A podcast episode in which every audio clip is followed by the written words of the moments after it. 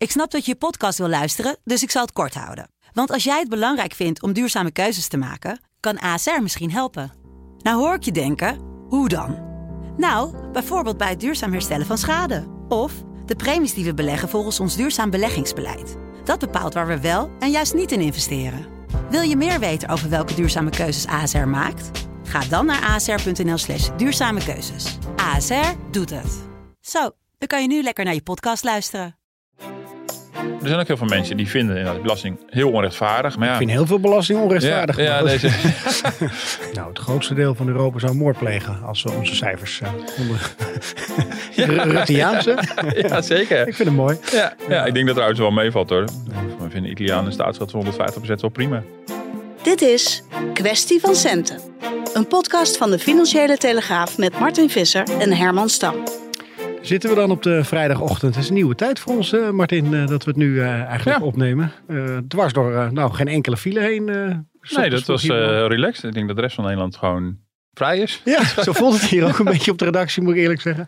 En we zijn blij dat we een extra dagje hebben gehad. Want onder andere Hein, onze regisseur, zit hier. En ik als groot Feyenoord-fan. En uh, we hebben nog even een katertje te verwerken. Maar Hm. ik begreep zelfs Ja, er dat vrij vrolijk uit. anti-sportfan uh, Visser een, een flart van Feyenoord heeft. Ja, ik heb twee varden gezien, ja. En ik was weer bevestigd dat ik voortaan niet meer moet kijken. Ja. Ik heb het gevoel dat als ik kijk, dat het altijd misgaat. Mhm. Mm -hmm. Ja, en ik heb het, ik heb het geduld niet voor. Het duurt nee. gewoon veel te lang. Ik, ik, keek op het moment toen de eerste goal werd gescoord. En toen dacht ik van, nou, even snel... Uh, even nu snel 1-1 maken en dan kunnen we weer door. En dat duurde me allemaal veel te lang. Ik denk, nou, ik ben een van de oude afleveringen van Ik Vertrek zitten kijken. Maar dat is wel heel ernstig, dat dat dan het altijd... En toen, en toen, en toen, ik, toen dat klaar was, toen was het nog steeds 1-0. Ik denk, oh, zie, ik had dus al die tijd kunnen kijken. Maar ik verplaats me ook aan jou en in Hein en een paar andere collega's. Die hij op heeft deze... niet geappt, hij heeft niet ja, geappt. Nee, ik heb niet daarna. geappt. Ik heb geen flauwe appjes gestuurd. Ik heb me enorm ingehouden. Maar ik van, oh ja, maar jullie hebben dus wel al die tijd moeten kijken. En dan tergend, tergend. En, uh, dat zijn de typische ja. Mourinho-wedstrijden. Ja, dat, uh, ja nou in mijn bele ik, ik identificeer dat heel erg met voetbal überhaupt. Maar ik heb er helemaal geen verstand van. Maar ik heb het gevoel dat het altijd zo gaat. De keeper schiet uit en dan komt hij bij de tegenpartij. En dan, nou, het schiet allemaal totaal niet op. Ik bedoel, uh, er zijn heel veel van die, van die enorme acties. En je oké, okay, nu gaat er iets gebeuren. Oh nee, toch niet. Uh, nu gaat er iets gebeuren. Oh nee, toch niet. Ja, ik vind het, ik, er zit voor mij geen, er zit voor mij ook geen vaart in. Maar ik vond het wel spannend. Dat zal ik toegeven. Omdat ik natuurlijk wist dat, dat jij een paar oh, andere ja. dit echt heel belangrijk vonden. Maar ja, daar heb je geen zo Nee, het, het, het, gaat net weer vandaag, laat ik ja, het zo zeggen. Ja. En, maar je hebt dus wel gekeken. Want ik voor mij aarzelde je van tevoren. Van durf ik überhaupt wel te kijken? Ja. Nou, op een gegeven moment toen die 1-0 gescoord was. Toen wist ik eigenlijk ook wel genoeg. Want dat is tegen oh, een team. Ik zal niet te veel in voetbaldetails voor je gaan treden. Maar tegen een team uh, waarvan Mourinho de coach is. Is dat meestal wel kansloos. Dat ja. moet echt voorkomen of je kan ermee stoppen. Dus ik zat op een gegeven moment op een moment van... Maar nou, tegen het eind dat er van die wissels zijn en zo. Ik bedoel, dat zal heel normaal zijn. En, dan, uh, en dat er dan... Ja, dan gaat iemand die shokt als een slak van dat veld af.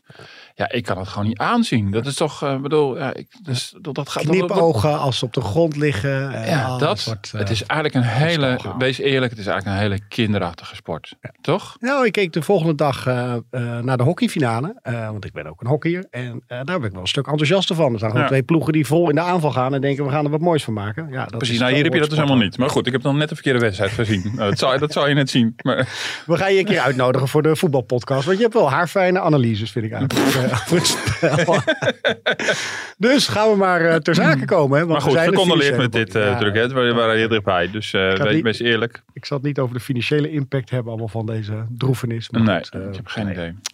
Uh, we gaan uh, richting ons eigen de thema. Ja, we gaan naar echt hele spannende onderwerpen nou. Hè? Zeker. Laten we gewoon beginnen met uh, premier Rutte om de boel een beetje op te warmen. Die gaat er ook vrolijk en enthousiast in, let op.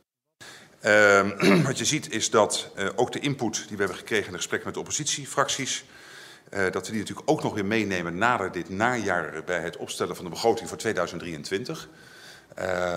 dus dat zit niet allemaal al hierin, maar dat komt voor een deel ook later terug. Uh, wat we wel nu doen is een eerste stap zetten om de koopkracht van lage inkomens en van ouderen te verbeteren. jullie hebben gezien dat het wettelijk minimumloon stijgt vanaf 2023 in drie jaarlijkse stappen met 2,5% naar 7,5%. En ook de hoogte van de AOW stijgt in dezelfde jaarlijkse stappen mee. Dat was natuurlijk een van de wensen ook van de Kamer in eerdere moties. Jullie hebben gezien, hij spreekt de Kamer vrij eh, informeel toe op die manier, maar dat eh, kan wel toch? Ja. Ja, dat is een persconferentie. Dus, Oh, eh, sorry. ja, ja, Oh, ja, nee, ik ja. dacht dat Nou, je ziet dus ook, daarom zei ik een beetje van, nou, je ziet hoe enthousiast hij is. Maar dit is een beetje, Mhm. zijn we weken natuurlijk bezig te wachten op die voorjaarsnota. Je hebt natuurlijk al dat plichtmatige rondje gezien van Kaag en Rutte. Waarbij Rutte enthousiasme veinsde en, en Kaag keek met een gezicht als een oorworm. En toen ze die Kamerfractie schokte en ook naar Wilders moesten. En ook naar Thierry Baudet. En je zag de weerzin in haar ogen. Maar ja, dat was de tactiek. We gaan bij al die fracties langs. En nu is het er. En dan zie je... Ja. En dan wordt. Ja, maar helemaal niet veel des. Ruttes, toch ook? Qua Nee, maar gewoon, dit is ook gewoon, dit is de, de, de vrijdagse persconferentie. Die je voor mij toch vroeger, je hebt ook wel Mm. Ja, in Den Haag zeker. ook wel meegemaakt. En dan wordt even, eh, even snel opgesomd. Hij praat tegen een zaaltje Haagse journalisten die dit allemaal al lang keer, honderd keer op geschreven. Want het is allemaal al uitgelekt, dus het is een beetje plichtmatig. Maar inhoudelijk is het natuurlijk relevant. Zeker ook wat hij op, over de oppositie zegt. Want we dachten heel even dat, er- dat er een deal zou komen met de oppositie. Maar dat is uiteindelijk helemaal niet het geval. Dus je hebt de inhoudelijke kant waar we het met name ook over gaan hebben. Maar het is ook wel, wel spannend en interessant om te zien hoe, hij, hoe dit kabinet het allemaal politiek probeert te fixen. Met Mhm. een minderheid in de Eerste Kamer. Ja. Wat, wat, wat valt je nou het meest op in al die uitgelekte, nou ja, er vallen me- bekende maatregelen? Ja, ja nee, dat bedoel, dat valt me dus op. Ja. Ik bedoel, het valt me op dat we dit allemaal al wisten. Mhm. Dus is eigenlijk ondanks die, die, die rare ronde door de Tweede Kamer eh, eigenlijk en nauwelijks iets veranderd. Onder druk van de Eerste Kamer zijn er een paar wensen gehonoreerd. Namelijk de koppeling van de AOW met de minimumloon. Minimumloon gaat extra omhoog. Eh, dus eh, die- koppeling was aanvankelijk niet de bedoeling. Eh, de AOW zou op de normale manier gekoppeld blijven aan het minimumloon, maar niet aan die extra verhoging. Nu dus wel. Dat was al afgedwongen. Dus dat is een voorbeeld van, van iets wat er onder druk, onder de druk van het parlement zeg maar, in zit, van de Eerste Kamer. Nou, de wens natuurlijk Maar dat zijn maatregelen nog die allemaal extra geld kosten. ja, die kosten zeker extra geld. ja. Eh, 2,3 miljard kost dat Ja. voor, als, de, als je de AOW koppelt. Dus dat, Mhm. is, dat is geen klein, klein bier. Maar verder zie je dus niet dat dit nou een, een deal is die veranderd is doordat ze die rondgang langs de oppositie hebben gemaakt. Dus dat valt me op. Dat, er, dat je denkt, van, oké, en waar is, nu, waar is nu de steun van de oppositie gebleven? Maar dat moet dus nog helemaal niet binnengehengeld gaan worden. Dat valt me op. En inhoudelijk valt me Oh, op. sorry dat ik je onderbreek, maar Ja. daar kan, kunnen niet zo heel veel mensen tegen zijn, toch? Om die AOW op deze manier te koppelen. Nee, nee, nee, nee zeker. Maar dat, bedoel ik, dat is een voorbeeld van iets waar de wens al wel gehonoreerd is. Maar dat moest ook vanwege de Eerste Kamer. Mhm. Maar verder zie je hier geen nieuwe elementen in opduiken die we nog niet wisten. En die het gevolg zijn van een deal of, of over rechts of over links. Eh, nee, dit zijn gewoon eh, wat, wat we hier op een rij zien. Dat zijn de maatregelen waar, waar we met z'n allen al weken over schrijven. Die we al eh, van kilometers zagen aankomen. Die dus niet... Ja, deze, deze deal had dus ook gepresenteerd kunnen worden voordat Kaag en Rutte langs al die fracties liepen. Dat, Dat had ik Kaag wel fijn gevonden, denk ik. Dat had Kaag wel fijn gevonden, ja. Ja. Dus nu, en daarom was dat fragment hiervoor, anders moet je maar even terugluisteren, eh, dat, dat, dat de luisteraar het misschien het gemist heeft, waarin Rutte natuurlijk erop op, eh, eh, op vooruit loopt, ja, dat die deal met de oppositie, ja, die moet dan ergens met Prinsjesdag gaan komen. Het wordt wel een beetje vaag, want dat wordt dan geen deal meer over de voorjaarsnota, maar dan hebben we het inmiddels over een miljoenennota. De voorjaarsnota is in, eh, uiteindelijk moet afgetikt worden in juni. En dat is een bijstelling van de lopende begroting voor het huidige jaar, 2022. Maar die bijstelling die nu wordt voorgesteld, die gaat veel verder. Die loopt eh, door, eh, de tabellen lopen door tot 2027. Dus er zijn ook wel mogelijkheden om met een miljoenennota, die wordt op Prinsjesdag gepresenteerd. Dat zijn alle plannen voor, voor het volgend jaar. Om te kijken of er dan een deal gesloten kan worden. Maar blijkbaar gokt het kabinet erop dat als ze dan ehm, eh, eh, voor een miljoenennota van 2023 iets weggeven aan de oppositie, dat de oppositie ook bereid is om nog hiervoor te stemmen, wat het lopende jaar eh, behelst. En wat schiet zo'n AOW ermee op? Wat, eh, we hebben het over een paar tientjes? Of wat is, Ja, dat, dat, dat, ja uiteindelijk ja, 7,5% dat klinkt heel wat. Kijk, voor de minimumloon bijvoorbeeld, dat is ongeveer 10 euro. Dan gaat er naar 10,75 euro. Nou ja, en in die orde van grootte moet je het voor de AOW ook bedenken. Ja, 7,5% is natuurlijk overigens, als je dat als salarisverhoging krijgt, natuurlijk enorm.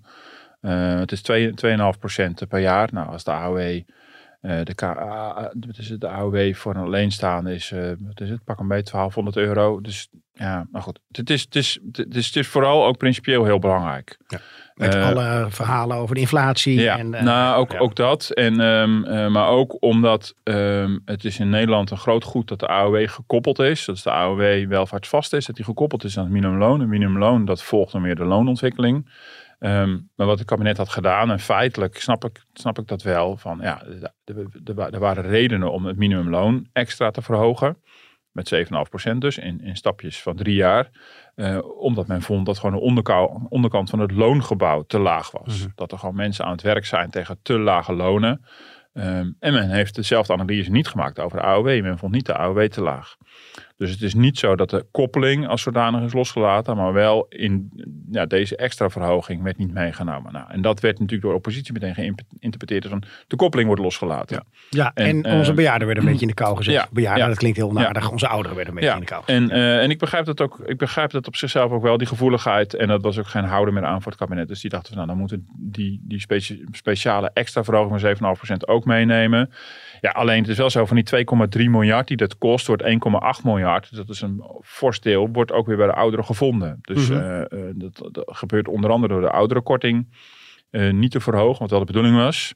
Maar wat is dat ook weer precies? Ja, de ouderenkorting is een soort, is een soort belastingkorting die je krijgt. Dus Mhm. het deel waar je dan nog geen belasting over betaalt. En die is dus alleen voor AOW'ers, voor gepensioneerden. En die was in het regeerakkoord gezet als een soort tegemoetkoming voor het feit dat die koppeling op dit vlak dus werd losgelaten. Dus nu is het ja, als we die koppeling eh, alsnog maken met deze 7,5%, dan hoeft die ouderenkorting ook niet omhoog. Ehm, eh, en er wordt een inkomensondersteuning voor de voor AOW'ers eh, ook nog geschrapt. Eerst instapsgewijs gaat, gaat die eruit. Dus dat is een hele specifieke inkomensondersteuning voor, voor de laagste inkomens bij, bij gepensioneerden. En dat is denk ik wel een gevoelig punt. Wel een pijnlijk, ja, ook wel, wel lastig denk ik te verkopen. Ja, die ouderenkorting kan je nog verdedigen. Die zegt, ja, maar die, die hadden we bewust dus verhoogd. Ja, Hmm. om toch iets van die koppeling, zeg maar, eh, voor elkaar te krijgen. Ehm, maar ja, dit, dit voelt natuurlijk als een enorme sigaris uit, uit eigen doos. Dat je Ja. die 2,3 miljard die het kost, 1,8 miljard. Natuurlijk, Want per saldo schiet je dus eigenlijk... ja, veel dus het- dat zal wel meer uit, de, uit de, de doorberekening moeten blijken. Wie daar nou, welke AOW hier nou weer profijt van heeft en welke niet. Ja, en dat is natuurlijk weer gedaan met de gedachte van ja... eh, Is het dan eh, het deze idee zit- erachter van de wat rijkere AOW Ja, heeft dan minder voordeel dan de Ja, en dat moet, dat moet ook wel een beetje blijken of dat nou eigenlijk wel zo is. Kijk, het is wel weer zo, die oudere korting, het rare daaraan is, die bereikt dan weer niet de allerlaagste inkomens. Eh, want als je een heel laag inkomen hebt, betaal je relatief weinig belasting en dan hebben die kortingen niet zoveel zin. Die zijn dan niet verzilverbaar. Dus dat was wel een kritiek. Dus in die zin, eh, als je dan toch iets wil doen aan de verhoging van de AOW, is, is het gewoon het domweg verhogen van de AOW makkelijker dan dat via de oudere korting te doen. Ja. Dus, ehm, eh, maar goed, ja, als je hier weer gedetailleerde koopkrachtplaatjes van zou gaan maken, ben ik wel benieuwd wie er nou mee opschiet. Want ook de inkomensondersteuning is natuurlijk niet bedoeld voor de rijke gepensioneerden. Ehm, dus dat zal wel een best wel een gemengd beeld eh, opleveren. Maar ja, Nu ben je tegelijkertijd... meer, meer kwijt bijna nog. Ja. Maar we hadden het vooral in die voorjaarsnoten geloof ik ook over bezuinigen, toch? Omdat er Ja. zoveel grote tegenvallers Nou ja, dat, dat valt uiteindelijk wel mee. Er, zijn, er worden wel drie happen genomen uit de drie fondsen. Het eh, Groeifonds, het Klimaatfonds eh, en, en, en, en het Transitiefonds. En daar worden dan wat happen uitgenomen. En dat telt allemaal, dat, zijn, dat is allemaal eenmalig. En dat telt wel op tot, ik geloof, ruim 2 miljard. Maar dat is allemaal eenmalig geld. Ehm, en waar we het net over hadden, AOW, dat is allemaal natuurlijk structureel. Want als helemaal die verhoging is ingezet, moet die ieder jaar weer worden betaald. Dus er worden wel wat bezuinigingen doorgevoerd. Ehm, eh, maar dat is, een, dat is niet een, de bezuiniging zoals die gewend zijn. Bijvoorbeeld een bezuiniging op het, ambt, op het ambt, ambtenarenapparaat. Of zeg maar wat, eh, iets uit het zorgpakket schrappen. Of eh, zo'n soort bezuiniging is het niet. Het zijn eenmalige dingen. Maar dat maakt ook dit plaatje ingewikkeld. Want er gingen allerlei bedragen rond de afgelopen weken. Dat er een, een financiële opgave lag van 10 tot 20 miljard. Ja, dan tel je dus alles bij elkaar op. En dan tel je ook structureel en eenmalig bij elkaar op. Mhm. Ehm, dat is natuurlijk een beetje riskant. Ehm, want ja, het maakt nog nogal uit. Bijvoorbeeld de tegemoetkoming voor de spaartax. Die compensatie, die kost nu voor- vooralsnog kost die eh, 3,6 miljard. Ehm, om en nabij, als ik het goed zeg. Ehm, eh, en, maar dat is allemaal eenmalig geld. Dat is ook een enorm bedrag. Maar ja, als je maar eenmaal, eenmaal dat verspijkerd hebt en je hebt de financiering ervoor gevonden, dan ben je er ook weer vanaf. Maar bijvoorbeeld inderdaad het verhogen van de AOW, ja, dat kost gewoon echt jaar op jaar op jaar dat bedrag. Ehm, dus dat, dat, dat maakt heel erg uit. En als je dan kijkt, wat me dus ook nog wel opvalt, wat, wat valt je op, dat als je kijkt dat er nou structureel wordt verspijkerd, dus alles wat doorloopt tot in de eeuwigheid, zeg maar, dat valt eigenlijk wel mee. Dan gaan de overheidsuitgaven met 3 miljard omhoog en de belastingen gaat ook ongeveer met 3 miljard omhoog. Dan loopt dan redelijk glad. Ja, en van die la- belastingen van, van 3 miljard betaalt meer dan de helft betaalt het bedrijfsleven. We hebben het een keer eerder over gehad. En dat gaat dus nu inderdaad ook gebeuren. Dus je ziet dus wel dat daar de grote financieringsbronnen is gevonden door dat bij het bedrijfsleven te zoeken. En op welk vlak doen ze dat dan? Wat voor soort belastingen? Ja, nou dat is eh, vooral de vennootschapsbelasting. Eh, daar wordt een maatregel teruggedraaid. Ehm, en de vennootschapsbelasting is de belasting die bedrijven betalen over hun winst. Noemen we ook de winstbelasting. En eh, je hebt een hoog tarief en een laag tarief. Uh, laag tarief is 15% en het hoge 25,8%. En je, betaalt, ehm, je betaalde altijd het hoge tarief vanaf 2 ton winst en meer. En om de middenbedrijven tegemoet te komen, dus die rondom die 2 tons winst en iets hoger zitten, is, is in het regeerakkoord is die grens opgeschoven voor dit jaar van 2 naar 4 ton ongeveer. Um, nou goed, daar profiteren ze één jaar van, maar dat draaien ze nu weer terug. Ja, ja, ja. En dat, dat treft ongeveer 20.000 bedrijven, heb ik me laten vertellen. 20.000 middenbedrijven dus, die, die dus uh, nu weer van het... Die flink balen volgend jaar als een heel goed jaar of een hele goed jaar draaien. Precies, en dan... die het lage tarief eh, betaalden nu dit ene jaar en nu alsnog in het hoge tarief uh, gaan. En um, het is ook wel weer zo dat, dat ook alle bedrijven die het hoge tarief betalen, over het eerste deel van hun winst ook het lage tarief betalen. Dus, uh, dus de, eerste twee, de eerste vier ton was het lage tarief. En dan de volgende uh, tonnen of miljoenen aan winst. Net, goed, net uh, hoe, hoe, groot of hoe goed jouw bedrijf is. Maar dat lijkt me wel lastig qua ja. uh, je bedrijfsstrategie, toch? Dat je dat voor volgend jaar ook alweer rekening mee moet houden. Ja, zeker, zeker als je precies, uh, nou stel je voor dat je, dat je, dat je met jouw uh, winst precies in, tussen die schijven in hangt, mm. zeg maar. En het maakt nogal uit, 15% of 25,8%. Ja. Dus dat, dat zal voor sommige bedrijven een enorme impact hebben. De winst een beetje gaan drukken. Ja, die hebben dan eenmalig enorm veel profijt gehad van, van het feit dat zij ineens in een lagere schijf vielen. En ineens worden ze gewoon weer teruggezet. En dat is wel een hele belangrijke financieringsbron. Dat levert structureel 1,3 miljard op. Nou, 1,3 miljard ten opzichte van 3 miljard ongeveer aan wat er verspijkerd is. Dat is een groot aandeel. En dan hou je nog, dan hou je nog box 2 over, waar alle BV's in zitten. Uh, daar wordt ook het nodige, uh, nodige aangepast. Dat gaat om honderden miljoenen uiteindelijk. En dat heeft onder andere mee te maken dat, uh, dat de directeur grote aandeelhouders, dus nou, dat is gewoon de eigenaar van de BV, zeg maar, mm. dat hij zichzelf een, een hoger inkomen moet gaan uitkeren. er zijn allerlei normbedragen voor wat jij wat jij jezelf een inkomen moet uitkeren om te voorkomen dat je alles maar in die BV laat zitten. Mm. in, die box 2 tegen hele gunstige tarieven. Ja, ja, ja. En dan dat inkomen moet je gewoon volgens de normale eh, box 1 uh, eh, moet je betalen. Dus ja, als je verplicht wordt om een hoger inkomen aan jezelf uit te betalen, betaal je dus ook meer belasting. En um, dus ja, op die manier wordt daar wat uh, in gezocht. En er wordt ook naar, de, ook naar de tarieven van box 2 gekeken. Er wordt ook een nieuwe schijf geïntroduceerd. Dus, uh, dus de belastingen in box 2 gaan ook uh, omhoog. Dat, is, dat gaat om honderden miljoenen. En dan is er nog een ding om het helemaal compleet... wordt een soort voorleerd maar niks van rijden. Ja, nee, om nog helemaal compleet te maken is dat ook de overdrachtsbelasting wordt verhoogd. Ja. Dat is overigens nog niet zo heel veel nieuws geweest.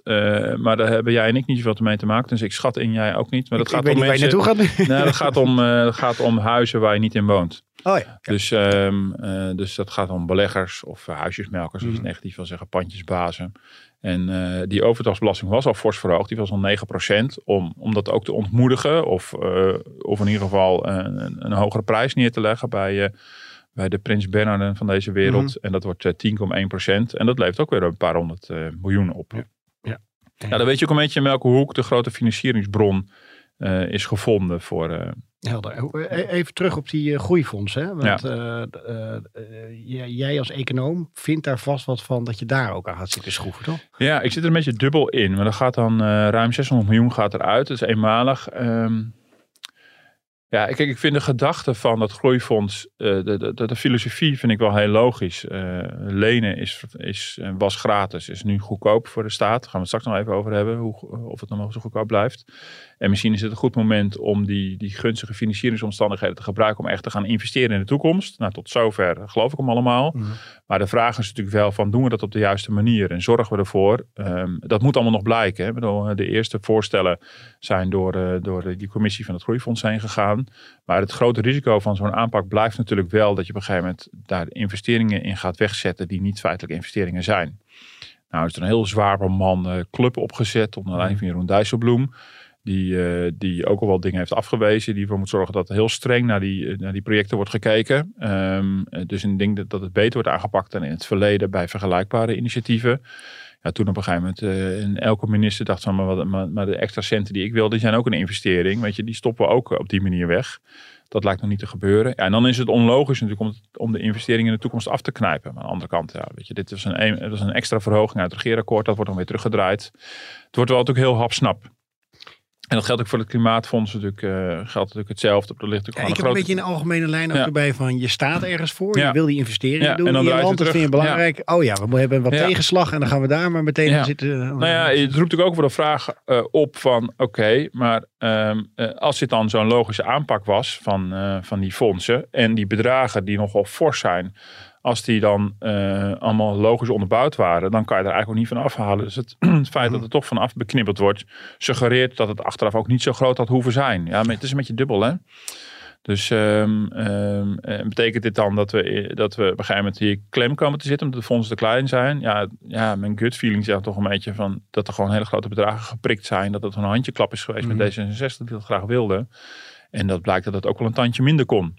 Ehm, en dat ook maar Nou, de als je vraag maar niet is... krijgt dat je de grote ambitieuze projecten op deze manier weer niet gaat uitvoeren. Nee. Omdat je denkt van ja, de potjes stromen daar een beetje weer leeg. Eh, laat maar, we doen alleen eh, de kleine klusjes. Ja, ja, nou ja, het bl- blijft nog wel om grote bedragen gaan hoor. En het gaat er dan eenmalig uit. Het zijn overigens allemaal eenmalige bedragen, die fondsen. Mhm. Dus ehm, het klinkt niet helemaal, het klinkt in ieder geval niet consistent. Want dat blijft natuurlijk het bijzondere aan deze bijstelling van de begroting. Dat dat zo kort komt na het totstandkoming van het regeerakkoord. Nog in december was het regeerakkoord helemaal rond.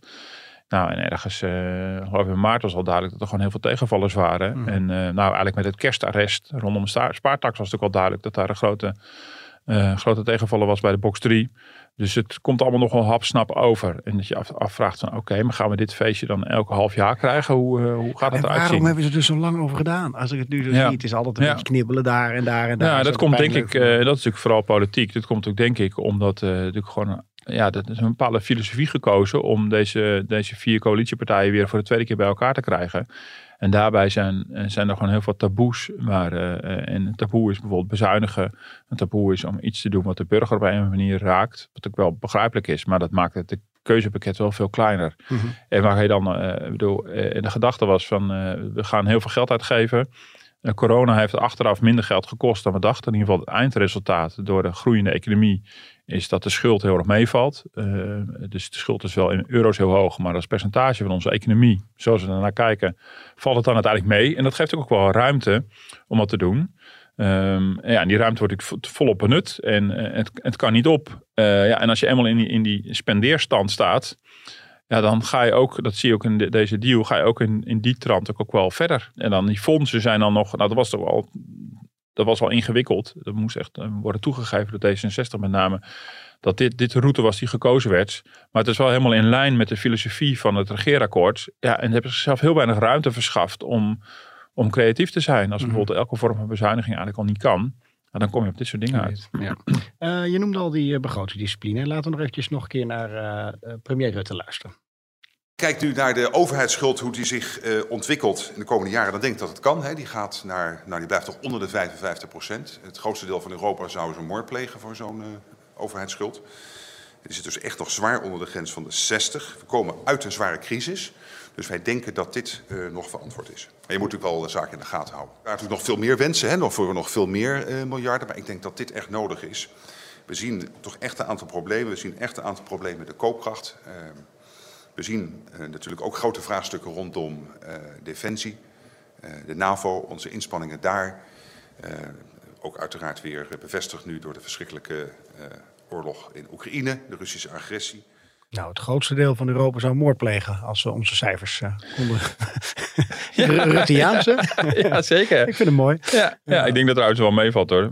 We vinden Italianen een staatsschuld van 150% wel prima. Ja, daar hoeven ze geen moord voor te plegen. Nee, hoef je helemaal geen moord voor te plegen. Dat doen ze weer voor andere dingen. Oh, nee, pas op wat je zegt hier. Het ligt allemaal zo gevoelig tegenwoordig. Meteen die disclaimer. Ja. Nee, eh, ja, we doen het toch wel goed. Eh, je hebt ook economen die zeggen gewoon van... joh, laat het gewoon wat oplopen en doe er allemaal niet zo paniekerig over. Dat Ja. allemaal in deze Nee, tijd. maar dat is ook geen reden voor paniek. Dat is natuurlijk helemaal waar. Ik bedoel, als je ziet wat, de, wat nu de projectie voor de staatsschuld is, eh, blijft die inderdaad ook voor de komende jaren ruim onder de 60 Mhm. Alleen ik kijk een beetje meer naar de trend en de tendens van wat is nou het gevolg van het feit dat het kabinet doet wat het doet. Dus die filosofie van vooral geld uitgeven. En als je er niet uitkomt, dan geef je gewoon meer uit. Mhm. Ehm, en dan zie je dus wel dat, er, eh, dat dat gewoon wel gevolgen heeft. Wat toch wel de vraag doet, eh, doet reizen van ben je dan ook klaar voor als de recessie toe zou slaan? Dat is natuurlijk wel een vraag. Kijk, wat ervoor gekozen is, is ehm, eh, ik zei al structureel gaat de uitgaven met 3 miljard omhoog en de lasten ook. Dus dan denk je nou is het ongeveer gedekt. En je ziet ook wel dat de, de, de begrotingstekort voor de komende jaren En die zit ongeveer uh, ook op de omvang als dat die zou was uh, vanuit het regeerakkoord. Mm. Dus wel ietsje hoger. Maar bijvoorbeeld dit lopende jaar gaat het begrotingstekort gewoon over de 3% heen. Dat is ook opvallend. Dat is ook echt een, een bewuste uh, breuk met de Europese begrotingsregels. Dus dat is heel on-Nederlands eigenlijk. Dus dat is, vind ik echt opvallend. Zie, zie je dat ook bij andere een beetje begrotingshaviken in Europa? Dat die ook dat gewoon wat zo. Ja, de hele tendens in Europa is natuurlijk ja. wel van nou, uh, laat maar een beetje gaan en laat maar een beetje vieren. Maar ik bedoel ook de Duitsers en zo, daar zie je dat, dat, dat, dat beeld. Ja, je ziet, je ziet wel dat, dat het is niet zo dat Nederland nu ineens enorme problemen krijgt met, uh, met, met andere haviken. En uh, nou, Nederland heeft natuurlijk een, een conctie gesloten met Spanje, notabene. Ik bedoel, de hele idee van die Hansenliga, wat het ooit van Bob Hoekstra was. Um, die is er op dit moment, voor zover ik kan zien, helemaal niet meer. In ieder geval niet uh, in, in dit uh, vlak. Dus dat hele speelveld van die begrotingsregels begint ook te veranderen. Er wordt volop gediscussieerd over of die begrotingsregels niet anders kunnen. Uh, nou, anders is meestal soepeler. Um, ik vraag me altijd een beetje af, hoeveel hoe soepeler wil je het hebben? Want de regels die we nu hebben handhaven we niet. Dus oh, goed, misschien moet je dat niet handhaven, dan mij niet dan weer formeel vastleggen. -hmm. Maar het is ook wel opvallend dat Nederland hiervoor kiest. Het was al zo dat het regeerakkoord strijdig was met Europese begrotingsregels. Dat is niet door de commissie nog vastgesteld, maar dat is gewoon een feit. Want er werd gestreefd naar een, uh, een structureel tekort van, uh, nou, pak beetje 2,5 of 3 procent. Dus er werd heel bewust op aangekoerst om, uh, om een groter tekort te hebben. Terwijl volgens de regels moet je op middellange termijn streven naar een begrotingsevenwicht. steeds met de filosofie om dan weer klaar te zijn voor de volgende schok. Ja. Nederland heeft natuurlijk voorgesteld om vooral te gaan koersen op de staatsschuld. Waarbij je niet per se meer in 20 jaar die staatsschuld terug moet brengen tot, tot de Europese norm. Maar dat elk land een eigen plan moet indienen. Dus dat, dat is het idee van Kaag met de Spaanse collega. Het is ook wel opvallend dat Nederland nu ook inderdaad dit jaar dan die begrotingsregels schendt. Over de 3% heen gaat. En de staatsschuld, dat is wel zo, die blijft laag. Dat is absoluut waar. Dus er is geen reden voor enorm alarm op dit moment. Maar ik had een grafiekje voor mezelf even neergezet van uh, wat, wat de staatsschuld deed uh, na doorrekening van het regeerakkoord en wat hij nu gaat doen. En dan zie je dat hij in het regeerakkoord wat af begon te vlakken. Mm -hmm. Overigens voor de, voor de langere termijn liep het weer fors op. Dus er worden heel veel kosten naar de toekomst geschoven. Uh, maar voor de huidige kabinetsperiode vlakte het af. En dat, dat is nu niet meer zo. Nu zie je dat er een projectie is waarbij de staatsschuld langzaam een beetje oploopt. Ja. En dat is wel opvallend. Um, dus het is echt in die een, een trendbreuk. En we zitten, wat ik zeg, we zitten nog lang niet in een gevarenzone. Je, je, je kunt je ook heel veel permitteren. Maar je vraagt je wel af van, uh, dat vroeg me het regeerakkoord af en nu, nu opnieuw en nu nog sterker van, ja, hoe kan het dat Nederland met dezelfde coalitiepartijen nu een totaal andere filosofie uh, uh, heeft? En waar is daar precies de, de onderbouwing van? En hoe verhoudt zich dat bijvoorbeeld ook Um, tot de waarschuwing die ambtenaren hebben gegeven, zo blijkt uit interne stukken die ook openbaar zijn gemaakt, dat de rente oploopt in Precies, Nederland. Nou, ja. dat zien we al gebeuren, dat is ook geen hogere wiskunde. Mm -hmm. Maar die hogere rente zit nog niet in de projecties. Want uh, je bedoelt ook, uh, als Nederland dus geld wil lenen als land, uh, gaan we er steeds meer voor betalen. Dat ja. noemde je al eventjes. En ja. dan, nou ja, we gaan misschien richting een recessie. Dan heb je misschien nog wat meer geld nodig. En uiteindelijk loopt die rekening maar op en op. Ja, en ja dus dat is, ik bedoel, dat, dat vraag ik me heel erg af. Kijk, het is absoluut zo. Kijk, weet je, als je de cijfers nu ziet van schuld en tekorten, dan denk je, nou, dat kunnen we allemaal prima leiden. Er is nog helemaal geen reden voor, voor zorg of iets dergelijks. Maar A, het is een afwijking van de filosofie tot nu toe. Hoe logisch is dat en waarom doen we dat? Doen we dat om een politiek probleem af te kopen? Ik denk dat dat het geval is. Je koopt gewoon de steun in de Kamer en in de samenleving uh, met ons eigen belastinggeld. Um, uh, ja, en hoe, en hoe recessieproof is het allemaal? Um, het, het, in een voetnoot van de, van de regeerakkoord stond al, we hebben gerekend met een rente van 0%.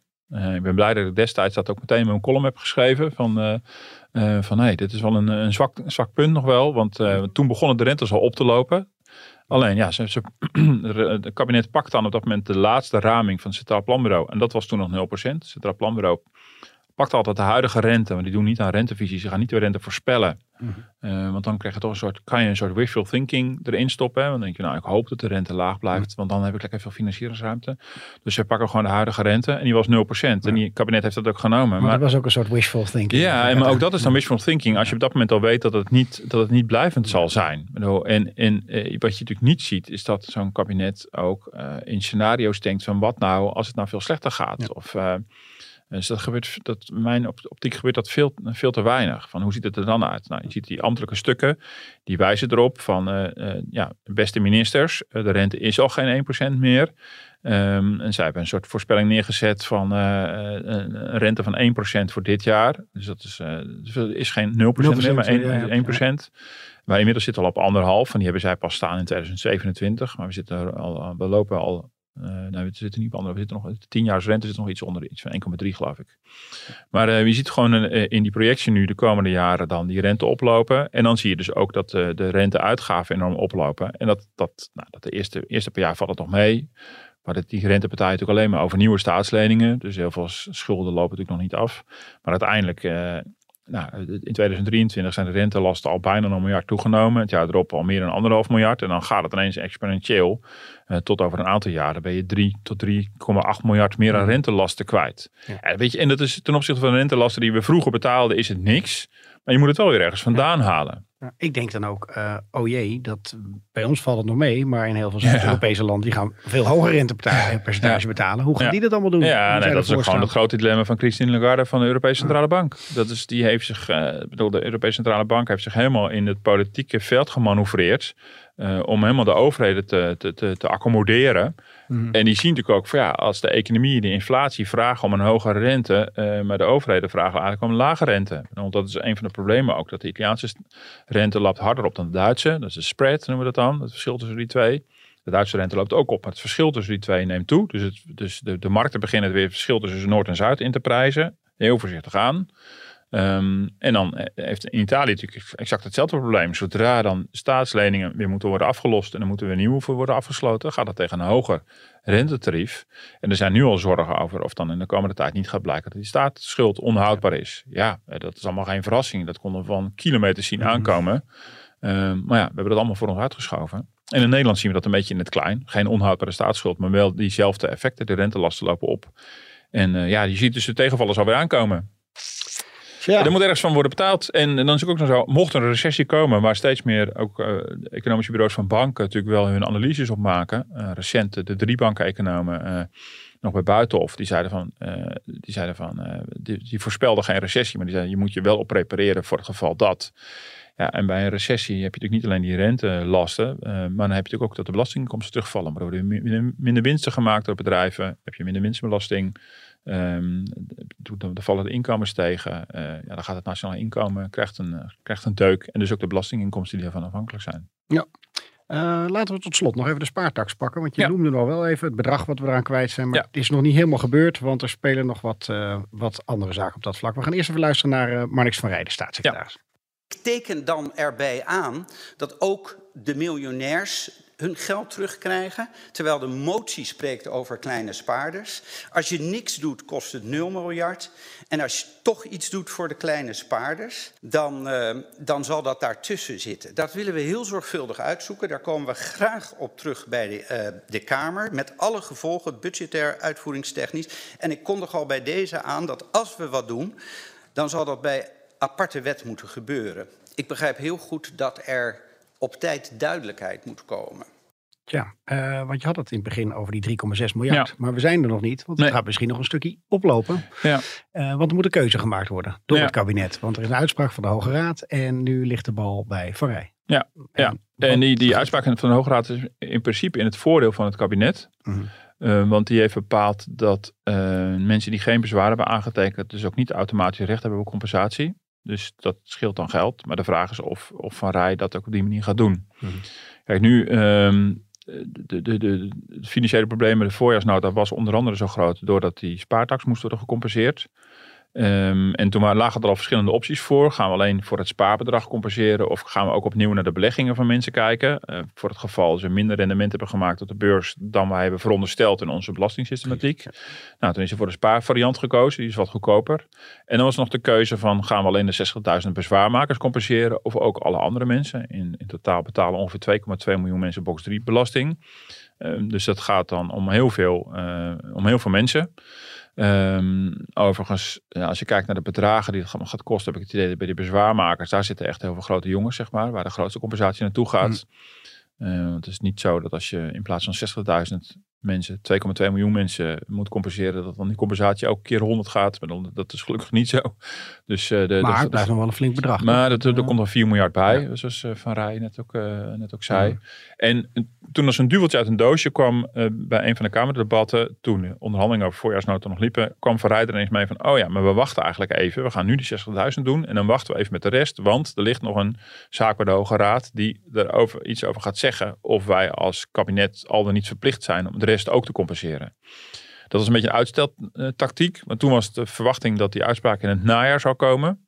Uh, alleen die uitspraak is net al geweest. Mhm. Dus die is ineens heel snel gekomen. Dus nu ligt het er gewoon weer op het bordje van Van Rij. Uh, en wat ik zei, wel in zijn voordeel, financieel gezien in zijn voordeel. Want hij hoeft dus die andere mensen dus niet te compenseren. Uh, maar goed, de Hoge Raad zegt er expliciet bij, dat, dat hoef je niet automatisch te doen. Maar de politiek kan het wel doen. Kijk, als je, als je bezwaartermijnen voorbij zijn, als je aanslag definitief is, dan kan je altijd nog uh, een verzoek doen om ambtshalve vermindering, heet dat. En dan staat het de staatssecretaris vrij om te bepalen van, uh, ja, bedoel, de bezwaartermijnen zijn voorbij, maar we kijken er nu toch om een bepaalde reden anders tegenaan. Bijvoorbeeld door die nieuwe jurisprudentie. En uh, ja, als staatssecretaris kan je dan bepalen van dat bepaalde compensatie toch ook gaat gelden voor, voor die andere mensen. Die Ja. keuze moet worden gemaakt. En je ziet dus nu dat hij ook dat deurtje openlaat in het, uh, in het vragenuurtje uh, deze week. Maar goed, nu maar komt de, het, de uh, Belastingdienst, begrijp ik, van jou ook, is daar niet zo dol op. Want Nou, nee, dat, ik- eh, kijk, wat- die wat- zeggen van, doe maar wel juist de compensatie Ja. voor iedereen. Dat houdt het wat makkelijker. Ja, toch? nou, die hebben, die hebben in ieder geval het dilemma heel duidelijk neergelegd. In een eerdere sessie al in de Tweede Kamer, in een technische briefing, waarin ze uitgelegd hebben van wat zijn alle opties en hoeveel mensen gaat het. En die hebben heel duidelijk gemaakt, ja, ehm, eh, A, eh, hoe ruimer de compensatie, ehm, ehm, hoe, eh, hoe eh, beter juridisch dat er ook houdbaar is. Want die zijn toch bang dat er anders gaten in worden geschoten. Nou, toen kennen we die laatste uitspraak van de Hoge Raad nog niet. Dat je die, die niet-bezwaarmakers eh, dus inderdaad niet hoeft te compenseren per se. Dus, dus er is nu wel nieuwe informatie over die juridische houdbaarheid. Maar er is ook een vrees bij de Belastingdienst voor alsnog heel veel procedures, bezwaren en beroepsprocedures. Eh, die, bedoel, er kwamen al heel veel extra bezwaren binnen de eerste paar maanden van dit jaar. Naar aanleiding van, die, van het kerstarrest.